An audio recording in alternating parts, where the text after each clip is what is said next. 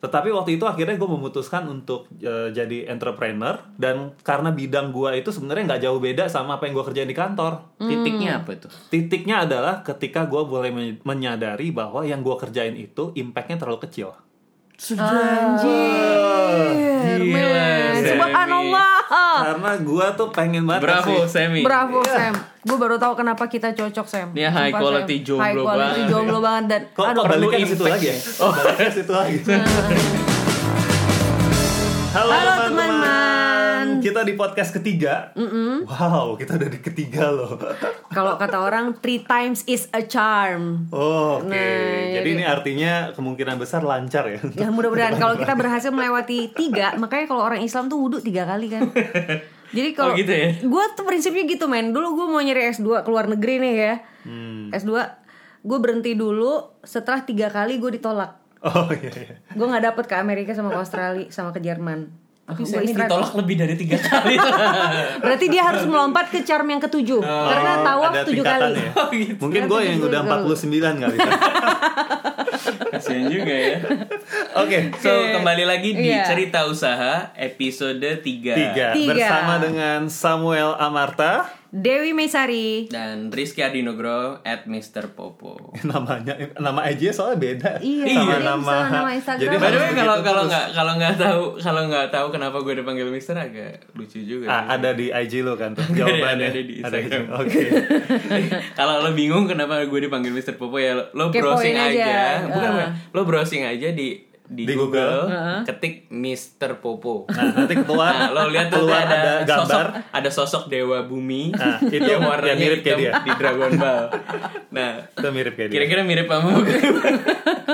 Oke, kemarin di buat teman-teman yang belum dengar podcast yang kedua, boleh habis ini dengerin podcast kedua karena kemarin kita udah ngebahas soal memilih ide bisnis atau usaha yang tujuannya adalah dimulai dari sampingan, usaha Sampingan. sampingan, yang penghasilannya kurang lebih sejuta, lima ratus ribu, ya dua juta per bulan.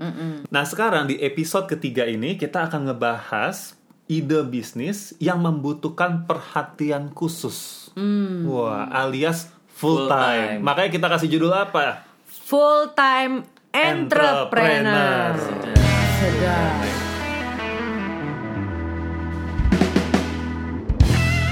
Langsung ke topik kita yang tadi. Ada yang pernah nanya nih ke gue gitu. Kak, bedanya apa sih? Kenapa kita harus jadi full time entrepreneur? Kalau kita aja bisa udah menghasilkan sampingan-sampingan di samping dari eh, kita jadi karyawan. Nah, kalau menurut teman-teman, kenapa sih kita harus atau bukan kita harus sih, tapi kenapa teman-teman waktu itu memutuskan untuk jadi full time entrepreneur dan bukan jadi entrepreneur sampingan gitu? Sebenarnya kalau menurut gue banyak banyak eh, step masuk menuju full time entrepreneur ya.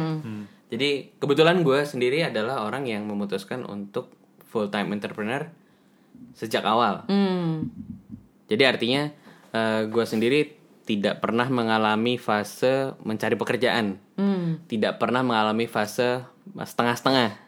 Jadi gue langsung nyebur, berenang, tenggelam, tenggelam ke atas lagi sampai bisa Habis tenggelam ngapung sendiri. Ngapung sendiri.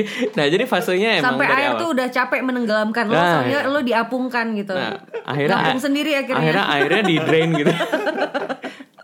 nah jadi Sampai airnya luntur loh. Karena dia hitam. tapi ada juga ya, maksudnya ada Ya, juga. dulu dia putih ya.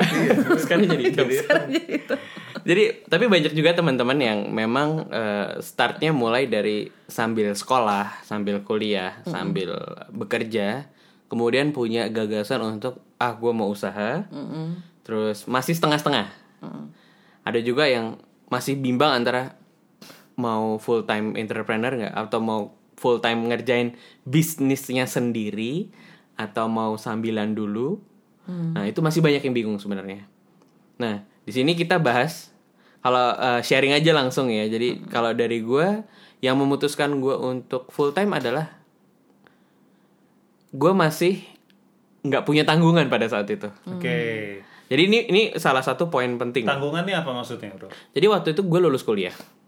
Memang eh, ada opsi kan. Gue juga udah diterima pekerjaan sebenarnya sih. Pada waktu itu ditawarin pekerjaan. Cuman akhirnya gue milih, oke deh gue mau di rumah. Gue mau sambil ngerawat nyokap yang sakit. Nah di situ gue memutuskan langsung, oke gue mau mati-matian deh merintis usaha Oke. yang gue jalanin alhamdulillah sampai sekarang. Kenapa? Karena pada saat itu gue punya poin. Ketika gue mulai dari gue belum punya apa-apa, itu pertaruhan gue nggak besar. Hmm. Jadi ya mau jatuh ya mo- monggo buat Jatuh gue. sendiri gitu ya. ibarat. Jatuh jatuh sendiri, nggak bawa beban, lari ya tinggal lari. Nah, terus kemudian gue belum punya pengalaman kerja. Artinya gini, buat gue pengalaman kerja itu lo udah tahu duit dalam pikiran gue pada saat itu ya. Lo udah digaji. Katakanlah gini, sekarang eh, berapa sih standar gaji misalnya? Katakanlah S1 8 ya, juta, 8 juta lah. Ketika lo mulai dengan sudah pernah mengicipi duit 8 juta per bulan. per bulan, Terus, lo mau lima ratus ribu. Terus enggak, enggak ditawarin. Bahkan mungkin lu berdarah-darah di depan. Belum untung. Kira-kira bakal mau nggak lo? Iya. Nah, gue pikir pada saat Sinting kalau mau. pada saat itu gue mikir, gue pada saat itu gue mikir, gue belum pernah mencicipi duit bulanan yang Ah. lumayan. Lumayan gede. Nah, di situ part di mana salah satu memutuskan Full time. coba deh gue full time. Dan kalau gue jatuh, gue belum punya tanggungan entah istri, entah anak bahkan mungkin gitu kan. Gue Jadi setuju banget tuh. Itulah alasan kenapa sampai saat ini gue itu masih belum nikah. wah curhat banget. Ah, Ya ini dia mau supaya- promosi terselubung nih, sumpah ya. Jadi jangan lupa follow at Follow Samuel, at Samuel. Amarta. Eh, yang konkret-konkret aja tolong foto. Dia udah punya sekalian usaha kirim. yang luar biasa tapi masih single. Iya. Nggak, karena tadi gue gak mau ada. HR. Iya, sedap. Jadi poinnya itu ya. Jadi poinnya adalah kalau dari gue memulai usaha dari tahap awal itu punya satu kelebihan yaitu ya tadi Iya. belum ngicipin apa-apa, resikonya belum terlalu besar, masih bisa banting setir kanan kiri atas bawah, depan belakang. Jadi terjun aja langsung. Oke. Kalau Mbak Dewi kapan sih mulai full time entrepreneur? Nah, aku itu boleh cerita agak flashback dikit ya. Nah, gue itu usaha yang bener-bener niat usaha itu pertama kali waktu gue kuliah. Usaha kaos. Kayaknya gue pada saat itu sama Sama banget. sama pacar gue tuh kayak di saat itu masih pacar gue. Oh, Jadi iya. kita berdua berkolaborasi. Sekarang apa? Mantan. Sekarang mantan pacar. Tapi udah jadi ayahnya anak-anak gue sih. Oh, Sombong. Iya. Udah nikah sombong. Nah, jadi mohon maaf nih Oh Sam iya, Semi. iya, iya. Gue Hari ini gue sudah terpojok. Iya. nah, di saat itu kami tuh kalau ada masalah, gue tuh suka nonton film berdua, suka dengerin musik yang kayak yang liriknya poetik-poetik gitu. Hmm. Kita nyari kaos yang desainnya uh, film yang kita suka, ada quote yang kita suka dan uh, macam-macam gitu tuh nggak ada. Jadi kita Oh. bikin, ajak desainer, nyari desainer dulu di DeviantArt gitu-gitu. Dan kayaknya gue terlalu visioner karena udah bikin tuh vibocreative.com, pasar online tahun 2006. Gila, advance banget. Siapa juga Siapa yang beli? Gue yang terlalu visioner kayaknya. Nah, dan emang akhirnya bisnisnya tutup karena gue nggak kuat eh, apa namanya nggak kuat ngurus rotasi stok di berbagai offline store distro waktu itu kan berat men itu muternya lama terus ini pokoknya Berarti intinya modalnya besar banget itu ya. modalnya lumayan waktu itu Ah, Oke. Nah, jadi itu belajar dari kesalahan kita tuh kan. Oke, startnya mau lumayan eh, awalnya pre-order tapi gue, jadi nggak langsung gede juga. Jadi zaman itu udah ada pre-order ya? Kaskus. Oh iya, Oh, iya, benar, Dulu dulu tuh pre-order dari Ka- Kaskus. kalau gue pre-ordernya ke organisasi mahasiswanya. Eh, Gitu. Jadi Kaskus desain lempar pre-order dua lusin eh, baru kita pesan tetap modal-modal kayak gitu juga tapi karena di kasus lumayan jalan agak pede nih wes ada pasarnya nih style gue mulailah berani kita Oh, naruh oke. duit nah semenjak itu gue jujur jadi karyawan Jadi karyawan dulu. nih. nah semenjak itu bangkrut nih si bisnis gue ini karena nggak kuat ngurusin rotasi itunya stoknya itu dan macam-macam kita berdua jadi karyawan termasuk salah satunya karyawan di tempat yang di mana gue mengenali lo karena gue menjadi Ah. salah satu asesor lo ingat Iya, ya iya, ingat iya, nggak ya. Oh, jadi itu. Jadi jadi Mbak Dewi Awalnya. dulu tuh yang membimbing gue menjalani hari-hari startup gue. gue Oh, asesornya gitu. dia fasilitator doang lah temennya dia I see, I see. Temen curhat ya? Nah, fungsi Nah. gue waktu itu tuh cuma jadi temennya anak-anak yang lagi jadi startup ini gitu. nah gue bekerja saat itu karyawan gitu kan Si nah karyawan terus kemudian gue S2 Oh jadi abis karyawan, stop karyawannya sekolah lagi. sekolah lagi S2 terus kuli, eh, ngajar balik ngajar di kampus kemudian eh, lama kelamaan di situ gue nulis buku. Judulnya? berani jadi wirausaha sosial.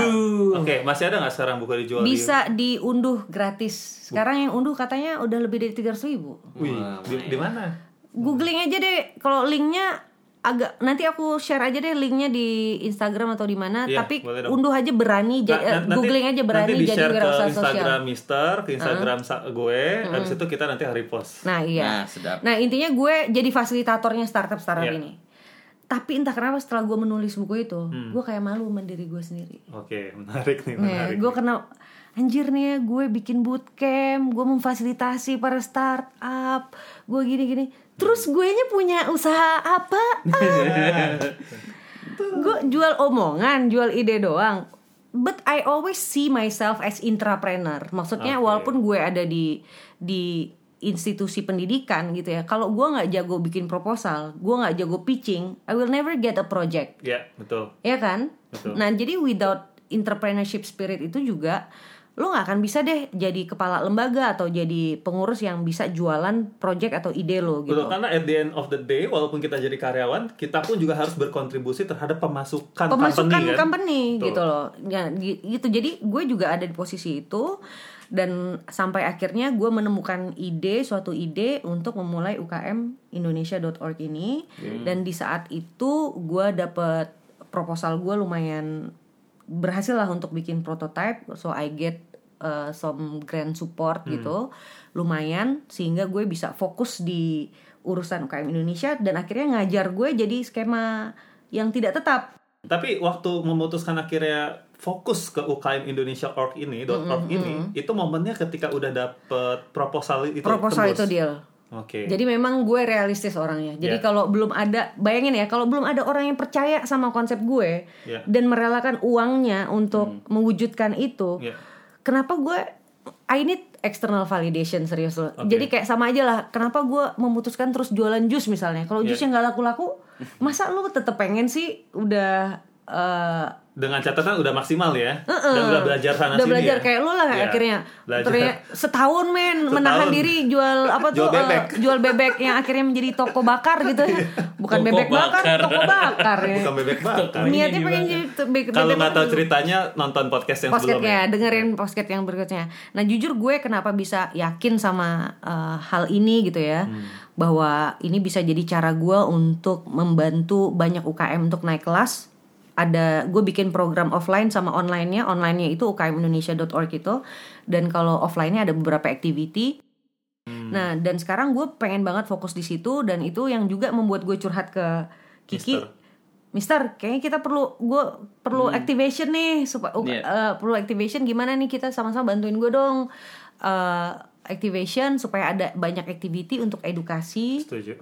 Akhirnya muncul juga ide salah satu ini. Jadi I'm doing cerita usaha ini part of my entrepreneurship journey di ukmindonesia.org juga. Nah cerita yang Mbak Dewi ini mirip sama cerita gue sih. Puji Tuhan gue bisa lulus akhirnya waktu Iya. itu ya. Walaupun masih jomblo sampai sekarang. Oh, iya, iya, tapi iya. tapi lu udah sarjana lah itu. ya. Puji Tuhan banget lah. Gue jomblo yang sarjana ya gini-gini nih gue sarjana. Iya, jomblo tapi sarjana. Gitu ya. Kayak gitu. Jadi abis lulus gue langsung kerja. Heeh. Setelah kerja itu akhirnya baru jadi pengusaha. Mm-mm. Nah Berapa tahun? Apanya? 7 tahun ya? Kerjanya. Kerjanya total kurang lebih tujuh tahun. Oke. Bet tadi udah kayak bener yang kata Mister tuh udah nyicipin gaji yang lumayan karena dulu gue kerja di bank dan di bank itu ngutang gampang enak bunga banget. rendah ya kan Eh, remunerasi rewards itu ya berdasarkan industri memang cukup tinggi gitu ya dan waktu itu tantangannya adalah justru mm, gue hampir setiap tahun itu dipromosiin jadi tantangan berat lagi. makin berat lagi tetapi waktu itu akhirnya gue memutuskan untuk eh, jadi entrepreneur dan karena bidang gue itu sebenarnya nggak jauh beda sama apa yang gue kerjain di kantor. Titiknya apa tuh? titiknya adalah ketika gue boleh men- menyadari bahwa yang gue kerjain itu impactnya terlalu kecil. Anjir, Gila. Subhanallah. Karena gua tuh pengen banget Bravo kasih- Semi. Bravo Sam. Gue baru tahu kenapa kita cocok Sam. Dia high Sumpah, quality Sam. jomblo High quality banget. jomblo banget dan Kok, aduh kok baliknya ke perlu situ lagi ya? Oh, ke situ lagi. gila moment of truth-nya Sam. Terus Iya. lanjut Sam. Gini, lanjut gua Sam. kerja, bayangin gua kerja di perusahaan yang karyawannya itu sekitar 8.000 orang. Hmm. Gua kerja mati-matian, gua kasih impactnya cuma ke 8.000 orang nih. Hmm. Dan satu organisasi. Tapi sekarang, gua buka HR consultant, human resource, atau Hmm. sumber daya manusia uh, konsultan, itu kurang lebih udah ya udah lebih dari 15 organisasi yang gua serve, Hmm. yang udah gua layanin. Dengan kalikan dengan jumlah uh, pegawai mereka masing-masing. Hmm. Ada yang startup, ada yang big corporate, ya. Itu kan berarti gua secara tidak langsung kasih impact itu udah lebih banyak gitu loh. Dan impactnya tuh juga cukup strategis gitu loh. Iya. Karena gua uh, mem- membantu mereka untuk uh, mengelola sumber daya manusia, bahkan juga mengelola uh, manajemen strategik mereka gitu untuk beberapa yang di UKM. Nah, yang kedua, gua sama banget sama Mbak Dewi dalam hal realistis. Karena waktu itu sebelum gua full time entrepreneur, itu gua memutuskan untuk nyoba-nyoba dulu. Jadi ada waktu satu tahun, gua sambil kerja di kantor, terus setiap kali gua cuti, itu gua nggak cuti, tapi gua ke klien Hmm. untuk melayani mereka Iya iya iya. iya, gitu iya. kan dan untungnya memang waktu itu gua coba tawarin jasa gua ada yang udah mau yang Hmm. mau pertama kali itu uh, startup teknologi yang kedua itu adalah Kementerian Kelautan. Wah kan jadi pede kan? Wah ada portfolio nih Hmm. Iya. gitu kan? Nah tetapi gue mulai mulai nggak enak. Gue mulai merasa bersalah sama klien-klien gue. Karena apa? Jatah cuti gue udah habis. Ya kan? Terus jadinya gue kalau mereka mau ketemu gue gue bilang gue hanya bisanya hari sabtu minggu nih weekend. Lah nggak enak dong klien. Ya gimana Sam? Masa weekend gue harus kerja juga kan gitu kan akhirnya mulai dilema gitu ya gimana ya? Bahkan saat, saat itu gue stop kontrak gue sama klien gue karena gue nggak enak banget sama mereka gitu. Gue mau janjiin apa lagi gitu kalau gue nggak punya waktu. Akhirnya gue memutuskan untuk gue berhenti. Itu karena gue pengen klien-klien gue itu gue bisa layani dengan maksimal gitu ya itu itu jadi salah satu momennya sih jadi selain validasi gue juga berkaca pada klien gue itu udah butuh gue itu secara full time Tapi ada nggak pertimbangan finansial? Artinya banyak teman-teman nih ya, ya, ya case-nya mungkin lebih banyak teman-teman yang sambil kerja ya, mau mulai mau shifting Ke full time. segmen apa namanya tuh? Eh, skema hidup ya, ada pekerjaan Ah. apa namanya? Apa sih? Eh, Life cycle. Life, ya kan ada pe- pebisnis. Terus dia nyebrang hidup. dari dari pe- eh, dari pe- dari pegawai menuju ke full time entrepreneur Oke. lah. Itu ada pertimbangan finansial yang Pasti. besar nggak buat lo, Sam? Nah, gue sama kayak Mister justru karena saat itu eh sampai sekarang sih, gue nggak ada tanggungan. Kok ini jadi jadi jelas sedih ya? Lagi-lagi Back- gitu ya? Ini bahagia Lagi-lagi banget itu ya. loh gue ada bagian ini. Backgroundnya ntar jadi sedih. Saat ini saya belum ada tanggungan. Jadi lebih berani ambil resiko lah Dia ya. berani ambil resiko. Bahkan sebenarnya waktu gue resign, gue harus bayar ke bank. Hmm, ya, Gue ya. harus bayar ke si perusahaan gue Penalti. itu karena dia udah kasih gue bonus di depan dan bonusnya itu udah gue pakai untuk apa tau nggak? Untuk renov rumah supaya itu jadi kantor gue.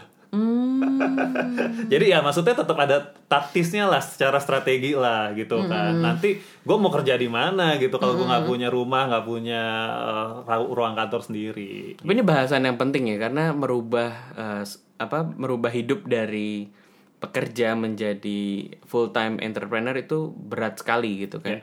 Banyak sekali orang-orang yang ya gue temuin ya ada banyak teman gue yang lihat gue misalnya, wah enak banget ya lo Mister kerjanya di rumah, Hmm, terus Bisa main dia sama lihat anak. bisa main sama anak, terus kerjanya sambil megangin handphone doang. Hmm. Ya kadang lihat laptop kalau gua harus duduk full time di kantor. Kadang-kadang nggak tenggo pulang nggak tepat waktu gitu ya. Hmm. Terus pulang harus lembur segala macem. Gua mau coba ah shifting ke kayak lu gitu. Ya dia kan selalu lihat ya tetangga lebih hijau mungkin ya. Betul. Dia nggak tahu mungkin kita mikirnya seribu kali lebih keras daripada mereka yang duduk kayak gitu.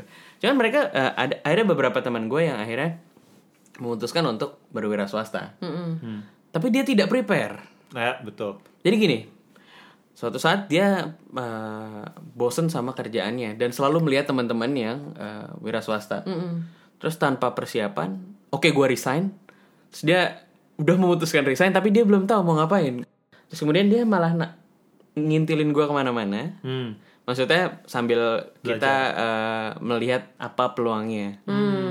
Jadi waktu itu gue suggest buat melakukan bisnis ini gitu ya. Hmm, Dia bisnis sudah- X lah gitu ya. bisnis X. Dia udah ngelakuin. Gue bantu eh, preparing dari eh, A sampai tengah lah, sampai L lah gitu Nah, kan. nggak sampai Z lah Nggak ya. sampai Z lah. Karena gue nggak tahu kan passionnya dia sebenarnya apa. Akhirnya gue arahin dia menuju ke satu titik bisnis yang masih relate sama kehidupan dia gitu. Tapi di tengah jalan dia kehabisan energi. Hmm, stamina-nya nih. Energinya apa coba? Dia selalu bilang, "Eh, kok hasilnya nggak kayak gaji gue ya? Iya. Waduh, itu kan nggak bisa gue jawab ya. Maksudnya gini, ya gue tahu rezeki itu udah ada takarannya. Cuman kan itu adalah satu poin di mana dia harus bisa punya target dan dia berusaha sendiri untuk bisnisnya dia dan hidupnya dia. Artinya apa? Ketika dia sudah pernah ngicipin gaji di atas 10 juta, terus dia mulai usaha, itu udah ada hasilnya. Karena dari awal pun itu bisnis tidak berdarah-darah, malah justru untung besar. Tapi untung besarnya belum setara dengan Gaji gajinya dia. dia, terakhir. Betul. Nah, gue bilang, gue bilang sama dia, udahlah terusin. Karena apa? Karena lo nggak bangun bisnis tidak instan.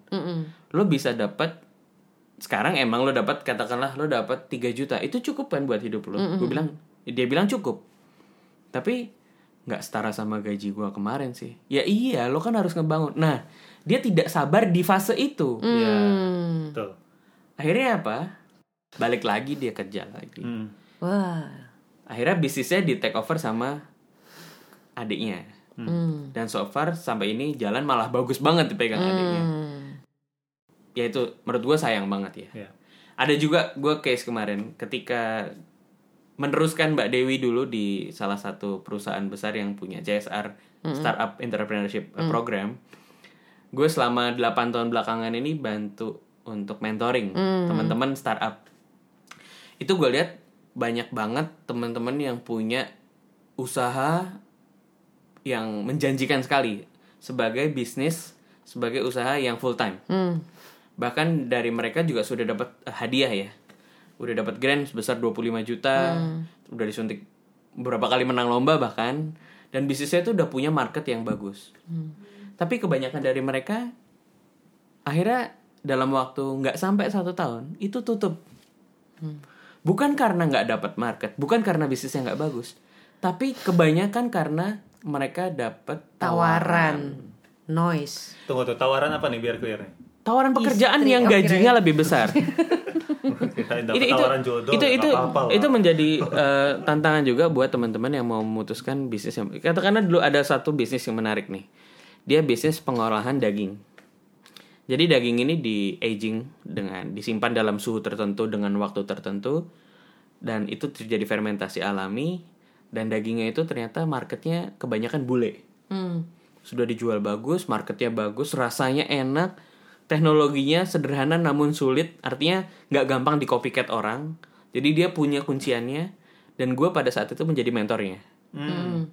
Gue bilang sama mereka, mereka ini tim, ada kalau nggak salah tiga orang. Gue bilang, gue mau join. Kenapa? Karena gue anak teknologi pangan.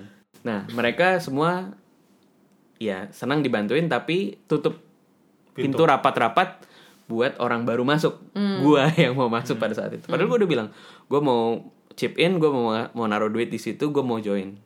Tapi akhirnya tutup mereka. Dan dalam waktu singkat nggak sampai setahun mereka tutup. Tutup beneran. wah gua sedih banget itu kenapa Maksudnya kita sih tetap sedih ya. ya gue sedih kenapa karena potensi mereka tuh bagus tapi mereka tidak sabar untuk membesarkan si anaknya mereka itu Makanya Sam sabar Sam. Wah, membesarkan anak. Oh, bukan. Eh, tadi apa? Saya jadi salah fokus loh. jadi ini ya jadi menurut gua ada satu ada satu eh, apa namanya satu ke- kebiasaan dari kita nih startup itu menyerah sebelum waktunya Ya. Oh, maksudnya bahkan dia menyerah bukan di saat dia terpuruk tapi menyerah di saat Soso ya. ma- Masih di saat so-so. mereka marketnya bagus. Masih atau tapi dapat godaan eh tadi Itu, di topik atau- selanjutnya kalau dengerin yang namanya istilah noise itu Akan banyak banget. misalnya gini em, let's say penghasilan dari bisnisnya memang sudah sampai level ini profit bersih ya udah sampai 20 juta katakan tapi dibagi karena ini partnership. Karena mereka buka usaha tiga orang empat orang kan jadi kelihatan kecil. Nah yang dapat godaan ini biasanya bukan satu tim tapi menggerogoti satu-satu. Yang satu dapat gaji wah dapat tawaran 20 juta nih. Mungkin penghasilan gue 5 juta di tim. Eh 20 juta karena di tim gue jadi cuma dapat seperempatnya.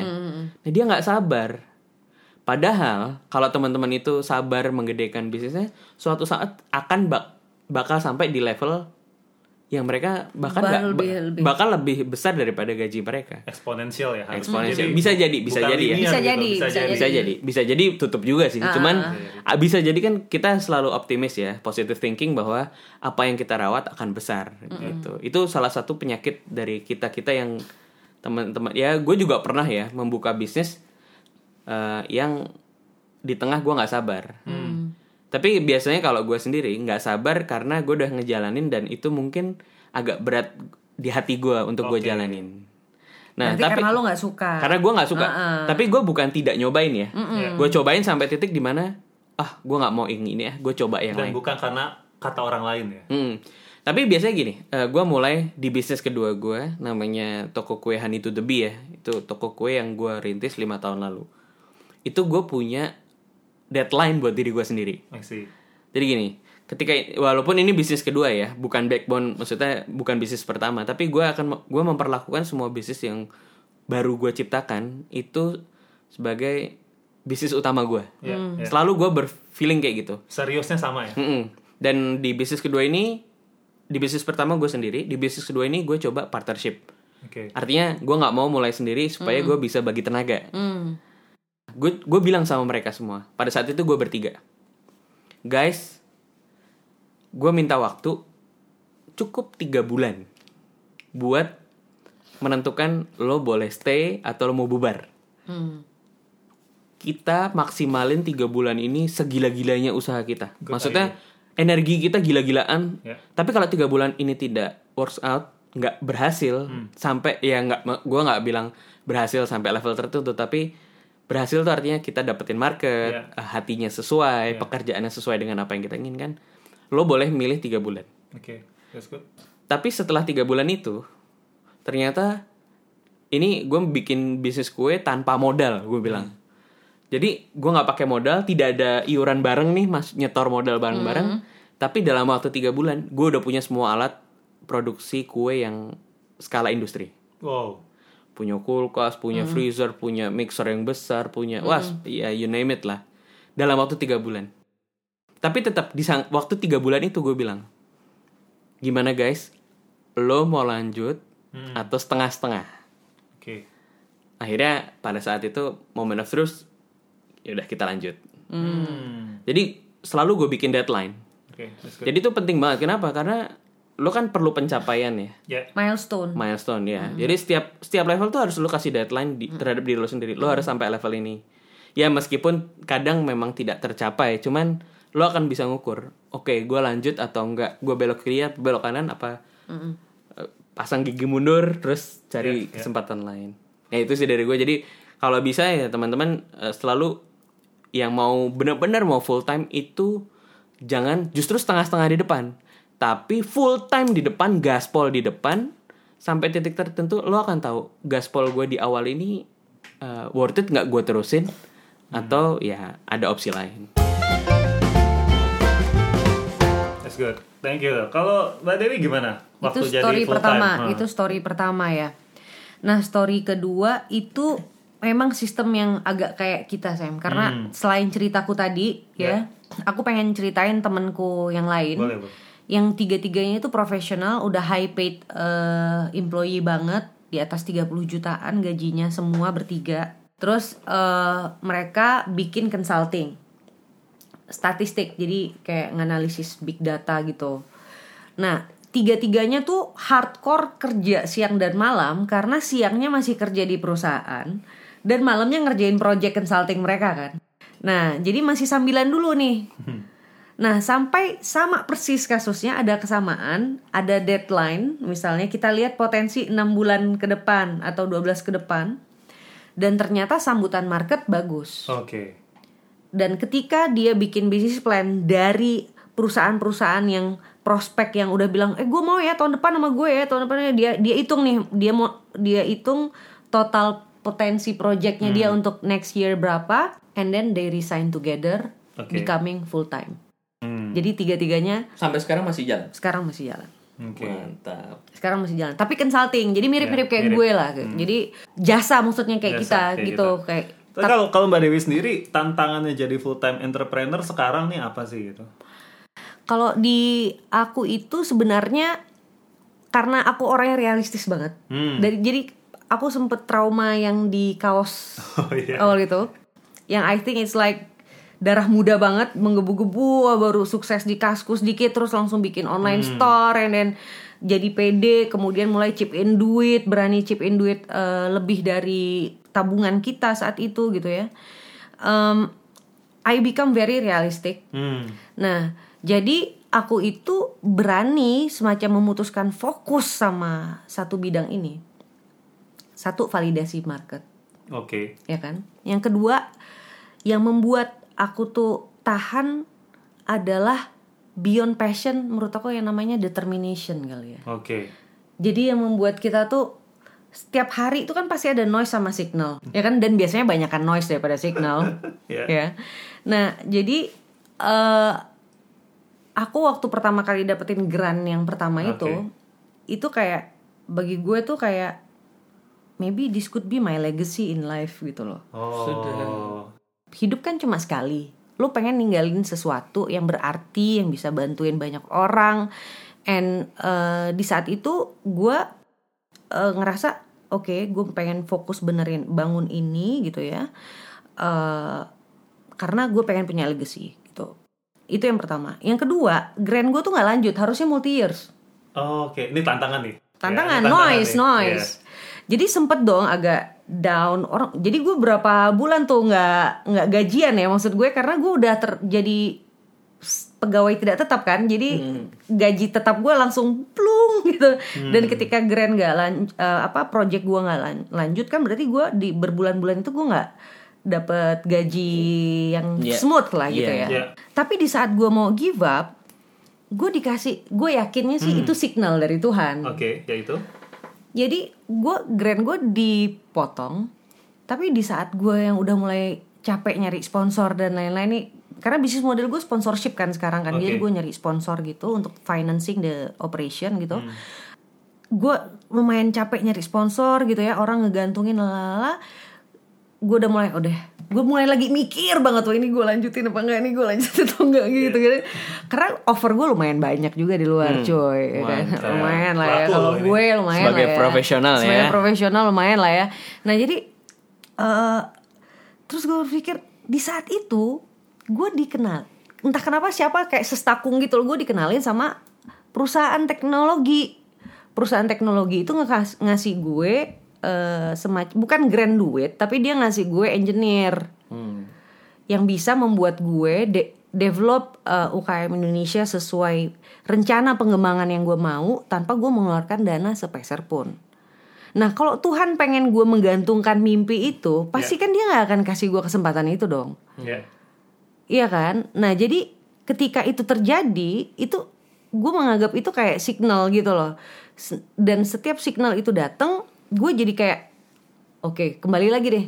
Berarti gue emang nggak diizinin nih untuk mundur, untuk give up. Masih tetap udah dikasih jalannya ya. Udah dikasih Oke. jalan nih gitu loh. Jadi ayo jalanin terus. Jadi ya memang harus panjang. Setelah gue pikir-pikir tuh memang bener sih kalau ada yang bilang bisnis itu atau entrepreneurial journey itu maraton. Ya. Karena yang paling penting ternyata bukan speed man, tapi stamina. Pelan-pelan nggak apa-apa. Endurance ini yang yang yang yang penting gitu loh. Karena gue itu ideationnya UKM Indonesia itu dari tahun 2013. Wih. Udah cukup lama ya, Mbak. Udah cukup lama gue menghayalkan itu terus baru jadi prototype versi yang lumayan kece itu baru sekarang gila gak sih lo? Iya. Jadi eh, I think it's quite Ta- a, tapi long ada time. ada teman gue bahkan in fact nih adik kelas gue pernah kasih ke gue bagus banget advice kak kalau lu punya ide bisnis itu coba eh, setelah lu udah punya lu gambarin lu tuangkan habis itu taruh di bawah meja istilahnya. Jadi jangan dilihat-lihat lagi.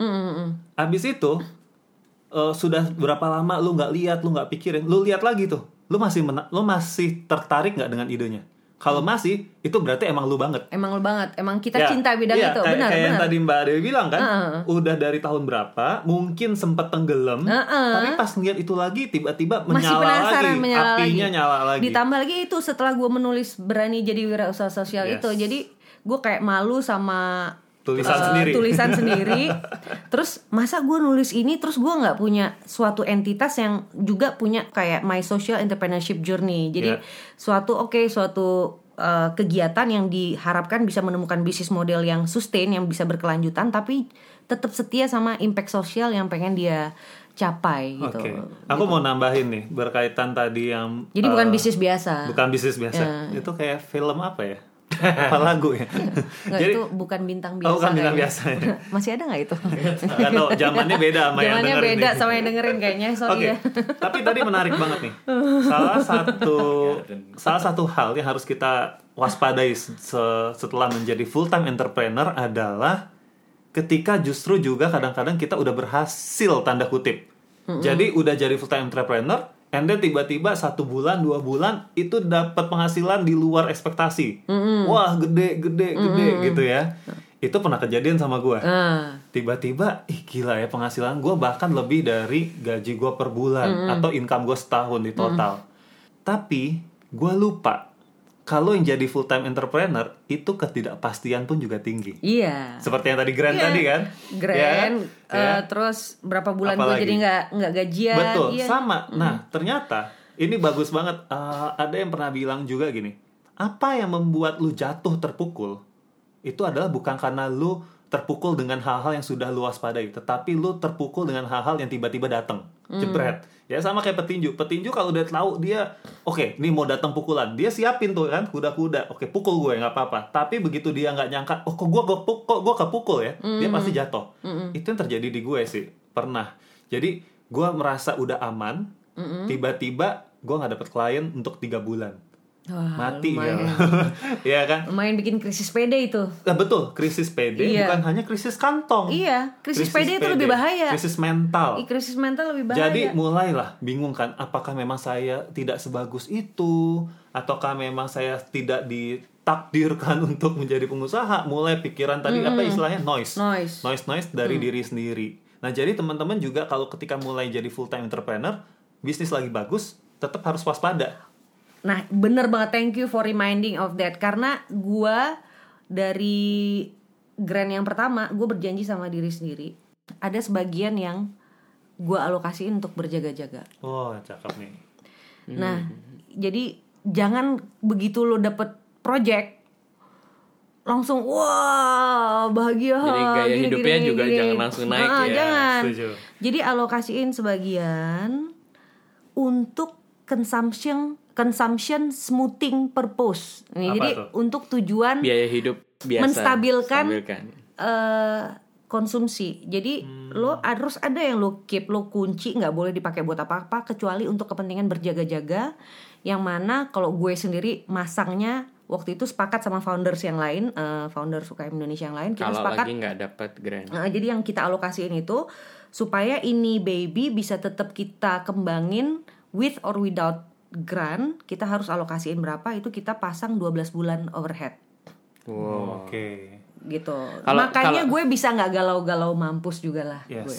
Jadi kalau gue sih ngelihatnya ngelihatnya gini, begitu. jadi bedanya kita bekerja dengan full time entrepreneur itu kan kalau bekerja mungkin punya jaring pengaman yang mungkin lebih safety ya. Iya. Buat kebanyakan orang lebih safety rasanya. Misalnya gini, eh, tiba-tiba dia dipecat atau tiba-tiba perusahaannya bangkrut. Buat dia kan gampang ya. Misalnya, wah apply lagi ya, gitu kan. Paling Dan kalau track record udah bagus, cari Ah, kerja ah, lagi biasanya cepat. Worst Biasanya case-nya kan paling stay di rumah 1-2 bulan lah Iya. sebelum dapat pekerjaan baru lah. Tapi buat kita yang full time ya, kayak misalnya gue juga benar-benar full time gitu kan. Dari awal gue juga kalau disuruh kerja sekarang gue nggak punya pengalaman kerja. Artinya pengalaman kerja kantor gitu kan. Gue punya pengalaman apa ya seandainya ini gagal gitu kan. Yang harus gue siapin adalah bagaimana bisnis ini bisa sustain dulu. Nah akhirnya kan gue mikir, oke gue harus nyiapin apa nih? Nah kalau di bisnis gue memang eh, di marketnya ya untuk beras organik lah katakanlah gue pernah dapat corporate yang besar. Sebut Freeport lah gitu. Gue pernah ngirim ke supply ke mereka cukup besar gitu ya sekian sekian kontainer gitu ya. Sekian ton puluh ton gitu kan. Itu happy banget emang. Tapi nggak gitu gua terus. gua nggak gua nggak gua nggak mikir bahwa dia akan hilang juga gitu. Iya. tapi kan sekali hilang kayak pukulannya wah gila banget. Nah sejak saat itu saya emang gua berpikir gua harus diversifikasi market nih. Yes. nah yang gua kuatin adalah kalau gua buat produk komoditi yang gua kuatin adalah produk retail ke customer langsung end user lah Ya. karena Jadi bukan end- B2B. karena B2C itu memang margin kecil memang Tapi stabil ya. tapi jumlahnya banyak Stabil dan faktor pengalinya gede. Heeh, Jadi orangnya banyak. Jadi kalau orang satu nggak jadi beli, masih ada pertumbuhan yang lain atau masih ada Yes. customer yang lain. Betul. Tapi kalau corporate begitu, ya mungkin kayak kalian juga ya. Ya, eh, betul. eh, target market adalah eh, perusahaan besar. Begitu nggak dapat order, pusing juga gitu kan. Nah kalau gua di komoditas, di beras ya terutama, gue main di semuanya dari e-commerce, dari reseller, dari dropshipper, dari restoran, dari catering. Jadi itu yang gue siapin pertama. Hmm. Yang kedua, gue punya tempat produksi uang yang lain. Maksudnya gue punya second business dan third business gitu ya. Ya itu udah harus saatnya memang. Setelah, Nah, tapi- setelah tapi yang gini. pertama udah lumayan sustain. Iya, tapi tapi itu gue lakukan memang setelah enam tahun dari bisnis pertama. Nah jadi memulai gue mulai ketika jangan lupa ya teman-teman mungkin yang udah memutuskan untuk full time entrepreneur atau bisnis full time itu jangan lupa membangun sistem. Ya, setuju. Supaya Jadi kebanyakan kebanyakan eh, kita startup karena itu adalah bayi kita. Maksudnya misalnya gue pribadi nih, itu bayi gue nih bisnis pertama gue itu gue lus lus terus. Semua gue lakuin sendiri. Iya, iya. Terus gue lupa, gue dulu pernah di tahap semua gue lakuin sendiri, meskipun ada pegawai, tapi semua masih gue lakuin sendiri sampai kok waktu gue habis ngurusin operasional biasa aja ya. Gitu. Akhirnya mulai gue handover, gue cari apa, gue mendidik pegawai yang tepat. Jadi dengan dengan ada atau tanpa gue eh, dengan dengan ada atau nggak ada gue di sana, bisnis itu tetap jalan. Tetap jalan. Ya. Nah itu yang gue bangun sistem. Jadi ketika gue bangun sistem udah udah siap nih kalau nggak ada gue atau misalnya gue cuti panjang sebulan ya bisnis itu bisa jalan. Tapi kalau mau berkembang tentu saja perlu kita sebagai pemilik ya punya visi ya. Ya. Nah itu untuk membesarkannya perlu kita. Tapi sebagai sistem itu sudah berjalan. Nah ketika itu gue gue naruh ini lagi tadi sebagai jaring pengaman ya. Gue bikin bisnis yang kedua dan ketiga. Jadi tujuan gue adalah memang untuk mengamankan jikalau terjadi apa-apa dengan bisnis yang satu di antara tiga itu kehidupan gue harapannya Iya, masih bisa consumption smoothing lagi. masih bisa Cuma berlangsung. strateginya berbeda.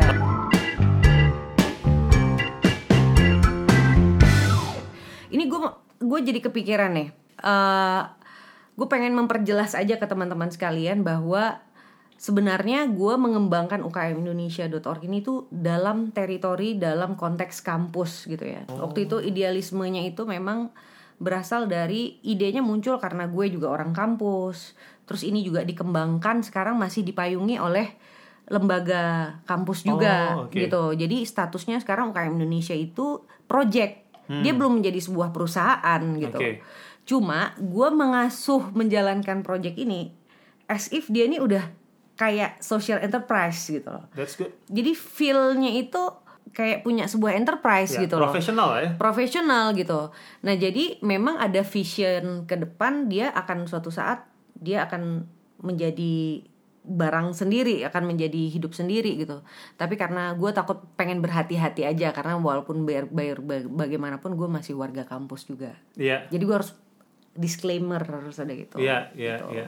Tapi itu dia, ini menarik banget. Jadi di- kita bertiga itu memberikan contoh bahwa yang namanya menjadi full time entrepreneur itu bentuknya Bisa beda-beda. beda-beda. Dan maksud gue Nggak mesti yang for profit, for for profit juga gitu Mm, kan. Dan maksud gue gini loh, maksud gue eh, pemaknaan atas kata full time entrepreneur itu sebenarnya apakah ada kalau bagi gue sih ya ini Iya. bagi gue apakah ada sebuah visi Hmm.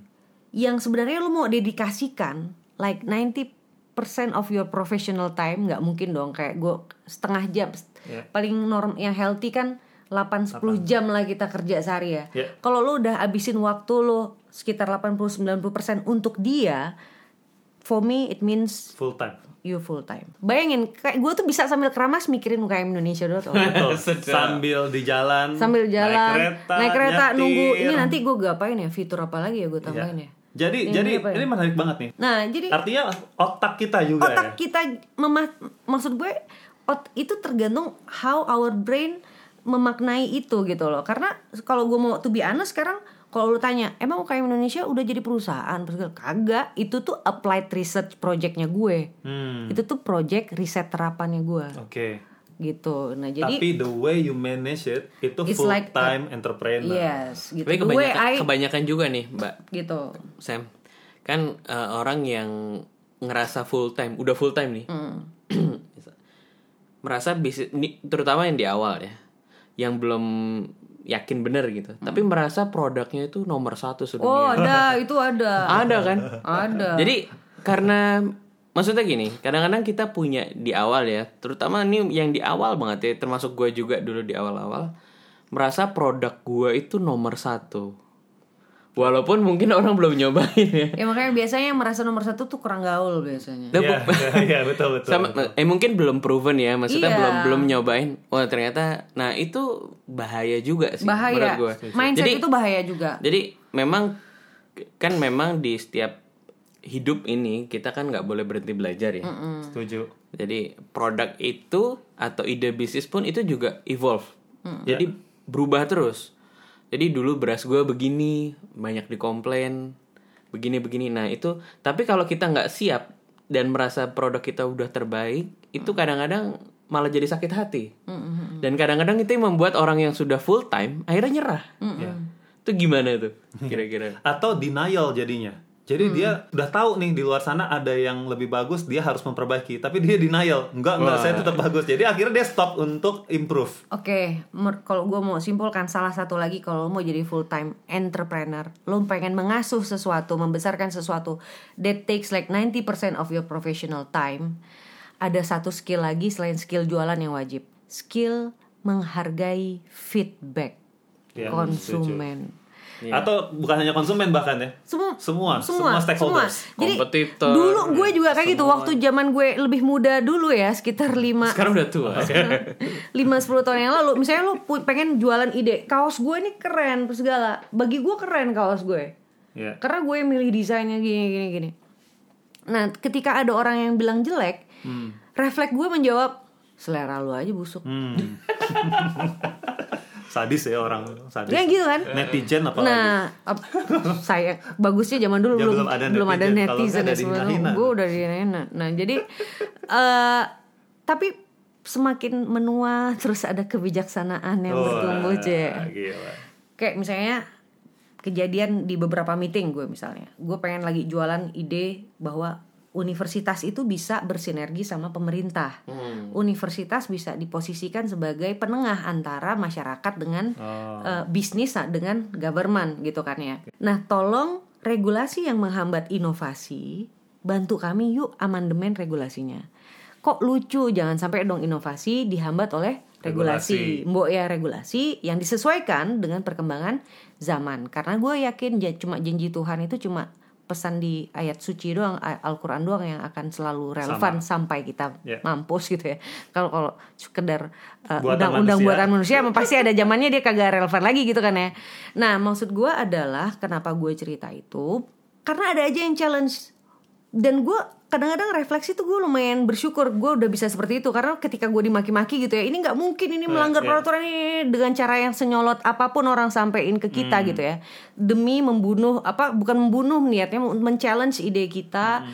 men-challenge produk kita jualan Ya. kita alhamdulillah gue udah bisa nggak marah sekarang Oke. Atau bisa melihatnya lebih objektif lebih ya. objektif jadi gue lebih oke ini berarti konsumen gue lagi bereaksi Hmm. kayak gini jadi gue lebih bisa jadi gue mencoba listening and then try to Yeah. construct something productive out of it Nggak gitu. defensif. kemarin Nggak defensif. ke- kemarin gue nem- nggak defensif Kebetulan- itu itu skill yang grow Iya. with time di gue. Tapi kemarin gue ketemu sama ada startup kuliner. Kebetulan ngundang gue untuk nyobain produknya.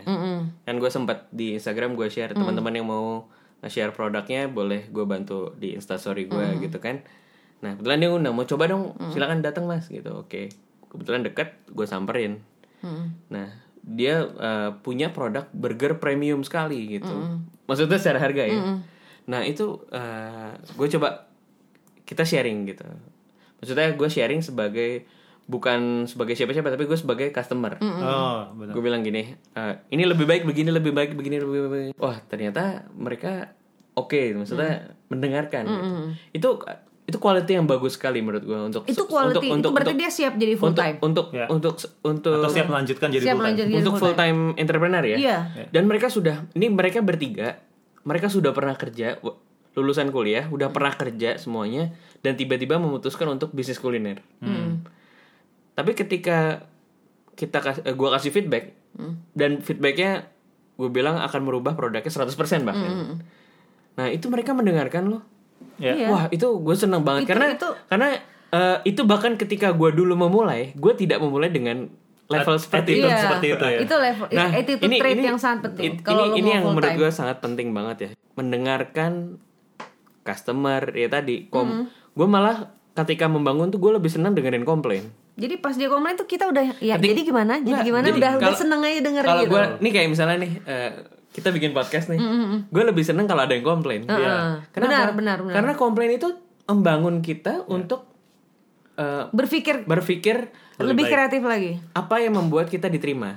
Karena sebenarnya kan kita jualan nih. Iya. Apa pun kayak misalnya kita jual diri kita sendiri kan. Iya. Kita dengerin komplain gitu. Betul. Ketika kita udah tahu cacatnya kita, jeleknya kita, kita bisa perbaiki yang jelek. Tapi kalau cuman kita tahu bagusnya, kita akan selalu merasa kita nomor satu. Itu bahaya. Itu buat, bahaya, itu buat udah punya seorang calon full timer entrepreneur. bahkan yang udah full time bahkan yang udah Ah, full time iya. karena, karena even Jack Ma aja pernah di satu wawancara bilang bahwa eh, ketika lu dengar komplain komplain itu adalah opportunity Hmm. karena berarti opportunity untuk improve kan gitu berarti ada ada celah gitu masalahnya kalau kita nggak pernah dengar komplain berarti kita sebenarnya lost banyak banget opportunity jangan-jangan gitu terusnya gue juga pernah datang ke satu startup em, seminars gitu ya dia bikin ada satu slides dia bilang gini jangan jatuh cinta sama ide bisnisnya Hmm.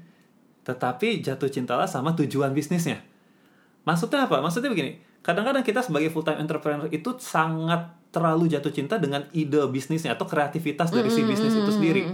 Padahal ketika dijalanin belum tentu itu works, belum, Belum tentu itu tentu itu sesuai menghasilkan dengan uang, kebutuhan customer belum juga. tentu sesuai kebutuhan customer, ya. Tapi kita tetap harus stay sama purpose kita awal kita ngebangun bisnis, tetapi caranya itu kita harus cukup agile. Yes. Kita harus agile gitu. Jadi Agile apa? Apa mas? Oh, Lincah. agile itu fleksibel. adalah fleksibel ya, lalu eh, lincah tadi ya, eh, cepat beradaptasi gitu. Itu yang kena banget ke gua karena gua pernah melakukan kesalahan itu.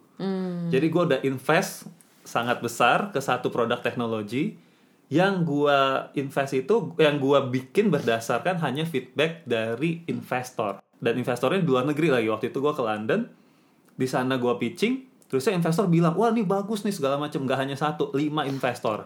Tapi gue lupa tanya customer Iya. mau beli atau enggak and then gue pulang ke Indonesia pakai duit gue sendiri gue bikin produk teknologinya gue hire vendor IT tapi gue lupa itu. Dan gue terlalu jatuh cinta dengan ide gue.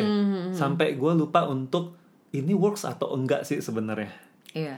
ini ya, maksud gue gue nggak malu untuk cerita kegagalan ini karena supaya teman-teman dan kita semua bisa belajar sih. Jangan Iya. mengulangi kesalahan yang gue lakukan. Tapi sekarang gue akan melanjutkan produk teknologi gue itu tapi dengan cara yang berbeda. Berbeda. yaitu gue bukan validasi ke investor Tapi tapi, ke- gue validasi dulu ke customer. Ini mau beli nggak?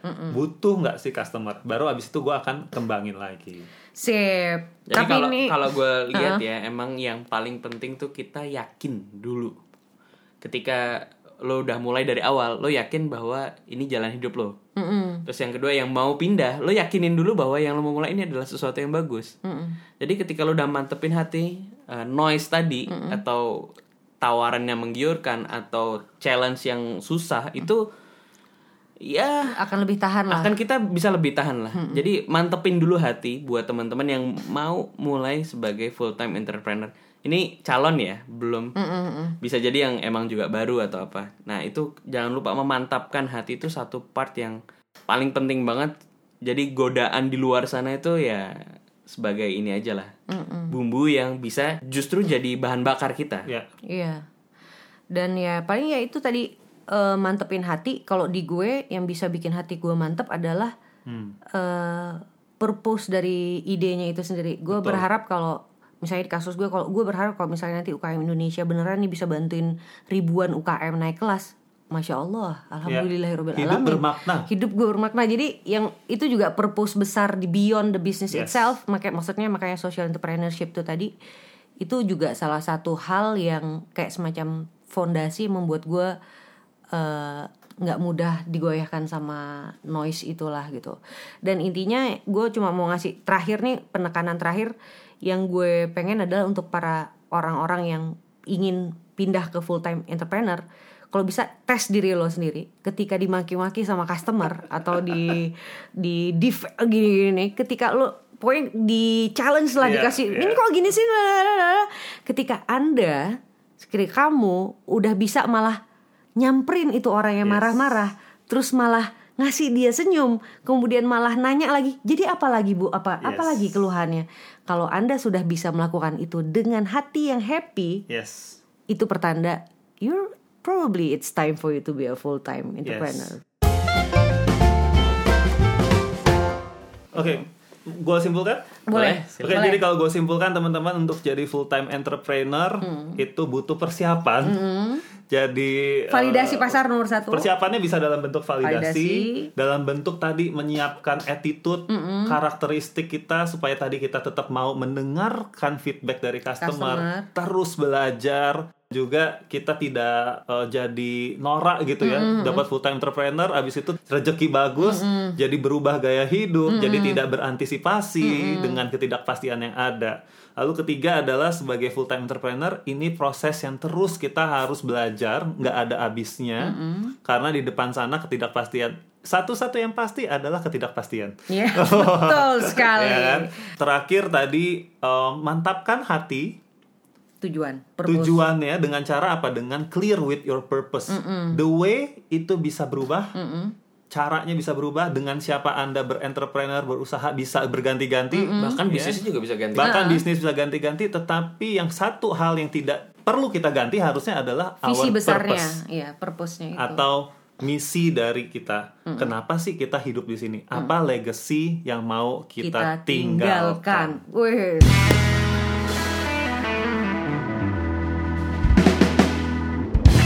Oke. Untuk selanjutnya teman-teman bisa ngasih feedback. Ngasih feedback Sekali tentu lagi- malah kita minta. Sekali lagi kasih pertanyaan yang banyak, kasih komentar, kritik semua. Dan Di- jangan lupa, yang datang dan ngomong di sini nggak hanya kita bertiga. Bisa jadi nanti banyak kita Undang- jalan-jalan Undang. ya. Jalan-jalan bisa jalan-jalan. Ya. terus atau kita undang bisa Betul. untuk dig deeper kasus per kasus ya. Yes. Jadi karena ini judulnya adalah cerita usaha, maka kita akan mencari cerita terus. Iya. Cerita-cerita lain ya. Cerita-cerita lain. Karena bisa jadi memang eh, pengalaman orang itu, Itu bisa jadi pelajaran sekali. kita. Kegagalan orang itu bisa jadi pelajaran buat kita. Ya teman-teman sekali lagi ini bukan hal yang kita teoritiskan. Kita juga tidak benar- menggurui. Ini benar-benar hanya murni dari sharing yang kita percayai dan yang sudah Kita kita, alami, lakukan kita dan kita alami. lihat dengan secara dekat. Jadi kita balikin lagi ke teman-teman, mau percaya dengan apa yang kita sharingkan, mau mencoba melakukannya atau tidak, it's up to you. Ya, nggak dosa juga kalau nggak ngelakuin ya gitu. Oke, kalau gitu sampai jumpa di podcast berikutnya bersama dengan Cerita usaha dari Rizky Ardinugroho at mr.popo. Dewi Mesari at UKM Indonesia org. dan saya Samuel Pandu Amarta di @samuelamarta. Bye. Bye.